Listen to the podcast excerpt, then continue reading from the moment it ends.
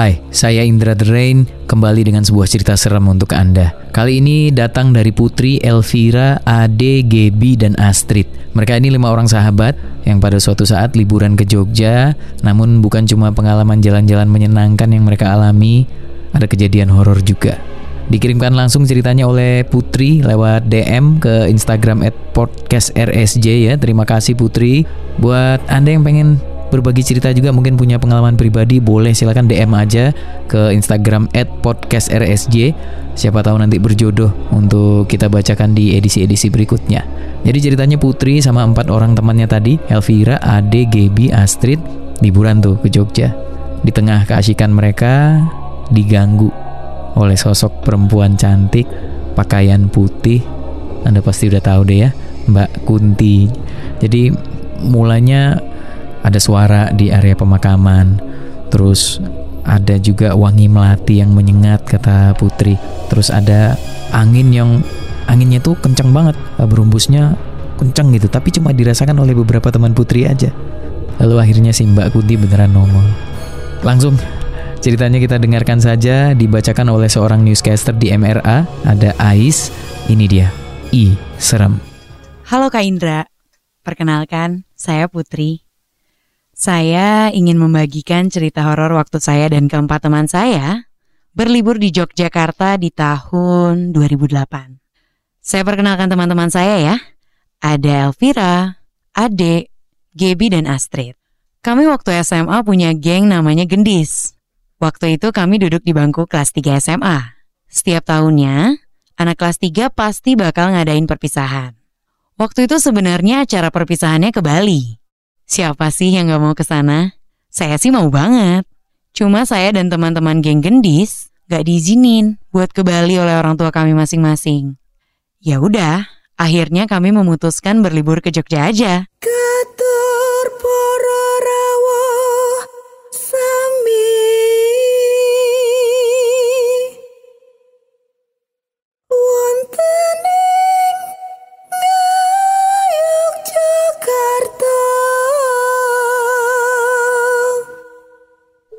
Kebetulan Pak D dari Elvira memang tinggal di Jogja. Tepatnya di daerah 5 km kali urang. Saat itu wilayah tempat kita nginep memang masih sepi, nggak seramai sekarang. Kami nginep di Jogja selama seminggu. Liburan bareng teman-teman SMA awalnya emang asik banget. Di hari pertama kami sampai di Jogja, kami disambut dengan bahasa Jawa yang kental sekali. Jauh beda sama di Jakarta. Setiap harinya pasti ada aja destinasi wisata yang kita kunjungin. Oh iya, kami diberitahu oleh Pak D-nya Elvira, jangan pulang terlalu malam, apalagi melewati pukul 9 malam. Kami sih nurut aja kata Pak D. Sampai pada akhirnya tiba di hari ketiga, di mana kejadian yang gak akan terlupakan oleh kami itu terjadi. Selama jalan-jalan di Jogja, kami ditemani oleh kakak sepupu Elvira, namanya Mas Fadil. Ya, karena kami semua kan gak ada yang tinggal di Jogja. Jadi daripada kenapa-napa, lebih baik ditemani oleh Mas Fadil. Beliau baik kok sama kami. Ngasih tahu banyak hal dan ngajak jalan-jalan di Jogja. Kalau diinget sih, jalan-jalan ke Jogja waktu itu tuh asik banget. Tapi ya khususnya jalan-jalan aja. Dan karena jalan-jalan itu juga kami punya rasa takut masing-masing yang kami pendam sampai sekarang. Oke, saya lanjutin ya ceritanya. Karena terlalu asik jalan-jalan, mengunjungi banyak tempat wisata, berfoto bersama-sama, kami sampai lupa dengan perjanjian yang telah kami sepakati di awal dengan Pak Dinya Elvira. Kami pulang terlalu larut malam, tepatnya pada pukul setengah sepuluh malam. Kalau di Jakarta mungkin jam segitu masih rame ya. Tapi kalau di sana keadaannya udah sangat sepi. Dari jalan besar utama kami harus jalan sekitar 10 menitan. Memang rumah Pak D masuk ke dalam gang, jadi kendaraan yang mengantarkan kami gak bisa mengantar sampai depan rumah. Jadi ya terpaksa deh kami harus jalan kaki. Karena keadaan sangat sepi, jadi yang terdengar hanya tapak kaki kami saja. Menurut perkiraan denahnya, kami harus melewati sebuah pemakaman dulu. Setelah itu kami akan bertemu dengan pertigaan. Dari pertigaan kami tinggal lurus aja. Kemudian baru belok ke arah kiri. Tiga rumah setelah belok kiri, di situlah rumah Pak D. Ada di paling pojok. Kami berjalan berpasangan. Tapi sepanjang jalan yang kami lihat hanya gelap. Di sana lampu masih jarang, sehingga penglihatan kami pun terbatas.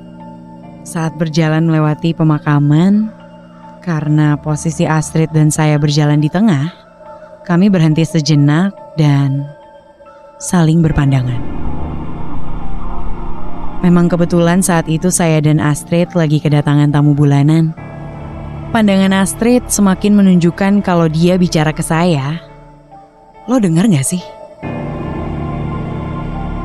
Dan sebaliknya, saya pun juga bilang, iya, gue denger. Tapi semua ini kami tunjukkan hanya dengan tatapan saja. Kalian tahu apa yang kami dengar? Seseorang sedang membaca surat Al-Baqarah di daerah pemakaman. Mas Fadil sepertinya engah sama gelagat kami dan dia pun langsung bilang. Itu pun membuat saya dan teman-teman semakin mempercepat jalan ke rumah Pak D. Kira-kira udah 500 meter dari jalan yang tadi. Tiba-tiba aja kami mencium bunga melati yang sangat menyengat. Padahal saat itu kami tahu gak ada sama sekali tanaman melati di daerah situ. Bulu kuduk saya naik nih waktu ngetik ini. Jadi keinget kejadian waktu itu. Saya dan teman-teman cuek aja dan kami pun terus jalan cepat mengingat kata-kata dari Mas Fadil. Tapi tiba-tiba kami mendengar suara cekikikan kuntilanak. Suaranya emang jauh. Tapi saya ingat kata orang-orang. Katanya kalau suaranya jauh, Berarti si Mbak Kunti itu dekat sama kita. Kami pun memutuskan berjalan lebih cepat lagi. Lewat 10 meter dari tempat sebelumnya, tiba-tiba aja ada angin yang berhembus kencang. Namun anehnya, yang terkena hembusan angin hanya saya dan Astrid saja. Saat itu lutut saya rasanya langsung lemas banget. Cuma jarak rumah tuh tinggal dikit lagi. Tinggal beberapa meter aja, terus belok kiri. Tapi angin yang berhembus kencang tadi rasanya buat kami berenam kaget. Kerasa banget kayak ada orang lewat, tapi lagi lari. Cuma ya, gak ada siapa-siapa selain kita berenam. Saking paniknya Gaby tiba-tiba kaget dan menjerit. Saya inget banget waktu itu dia bilang apa. Anjir, itu apaan? Teman saya yang lainnya si Astrid mengatakan, kaki gantung. Saya emang gak lihat apa-apa, tapi setelah kejadian itu, Astrid cerita sama saya. Kaki menggantung Mbak Kunti berada persis di depan wajahnya. Kakinya putih pucat dan bagian ujung bajunya sedikit lusuh. Sangat mengerikan kata Astrid setelah dia berani cerita ke saya. Oke, saya lanjutin ya ceritanya. Mas Fadil yang berdiri paling belakang langsung nutup mata Gaby dan meminta Ade untuk menutup mata Astrid. Mas Fadil refleks nutup mata Gaby. Karena setelah Gaby teriak, mata Gaby melotot dan mulutnya menganga. Setelah Mas Fadil baca doa dan Gaby sudah kembali seperti biasa, ternyata keadaan gak selesai sampai situ aja. Kita semua berusaha jalan lebih cepat lagi. Tapi sampai di pertigaan untuk belok kiri ke rumah Pak D, ternyata Mbak Kunti berdiri di ujung jalan. Yang saya ingat dari perawakannya adalah bajunya yang lusuh, rambutnya yang aut-autan dan besar, matanya yang hitam, dan raut wajah yang sedih banget. Kami semua cuma bisa terdiam terpaku. Saya pun cuma bisa nangis dan mencoba membaca doa. Sekian detik setelahnya pun Mbak Kunti akhirnya hilang, masuk ke dalam kebun kosong. Kayak terbang gitu aja, cepet banget ngilangnya.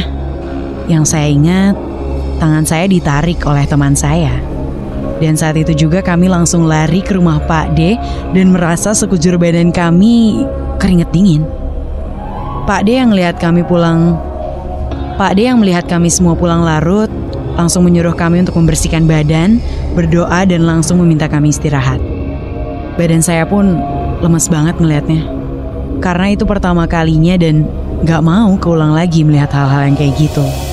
Kami satu geng menyimpan cerita serem itu dan gak berani kita bagiin ke orang-orang. Jujur, kami semua masih trauma sama kejadian itu.